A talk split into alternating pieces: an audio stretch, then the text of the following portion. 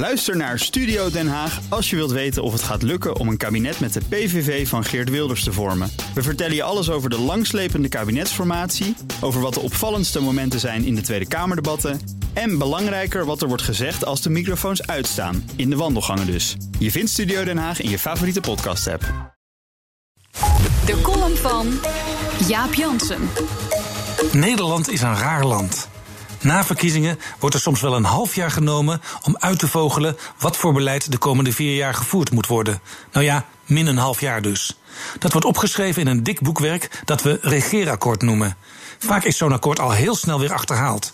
Cijfers veranderen en ook het buitenland weigert zich eraan te houden. Twee dagen na het aantreden van het kabinet Lubbers-Kok viel de Berlijnse muur. Een gebeurtenis met enorme gevolgen voor Europa en voor de economie. Balkenende 1 startte kort na 9-11.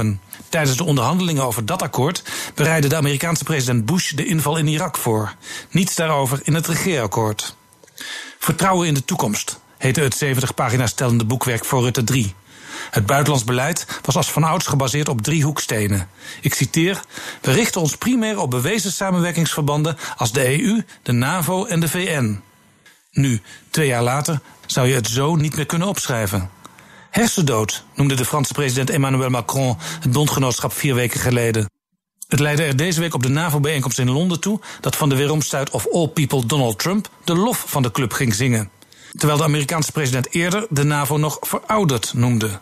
Er moet dus iets in dat brein gebeurd zijn. De NAVO bestaat 70 jaar, maar er valt niets te vieren.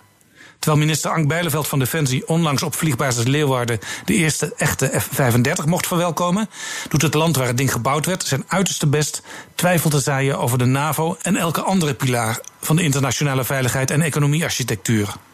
Eigenlijk zou de buitenlandparagraaf van het regeerakkoord nu, halverwege Rutte 3, herschreven moeten worden. Als de belangrijkste hoeksteen van onze veiligheid duidelijk erosie vertoont, moet je het hele fundament herzien. Ondertussen bewijst premier Mark Rutte lippendienst aan Trump.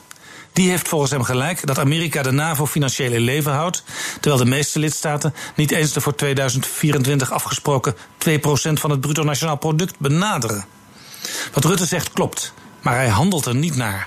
Nederland bungelt onderaan het lijstje van NAVO-contribuanten en de prognoses voor de komende jaren van het eigen ministerie van Defensie veranderen daar niets aan.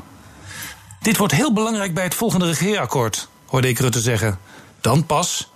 Als in Nederland een koopkrachtplaatje tegenvalt, is het huis te klein. De Kamer roept dan om debat en ministers maken overuren om de boel kloppend te krijgen. Waarom wachten op de volgende formatie? Wat is er belangrijker dan onze bondgenootschappelijke veiligheid? Als je dit echt zo belangrijk vindt, roep dan vandaag, na terugkomst uit Londen, je mensen bij elkaar en regel het.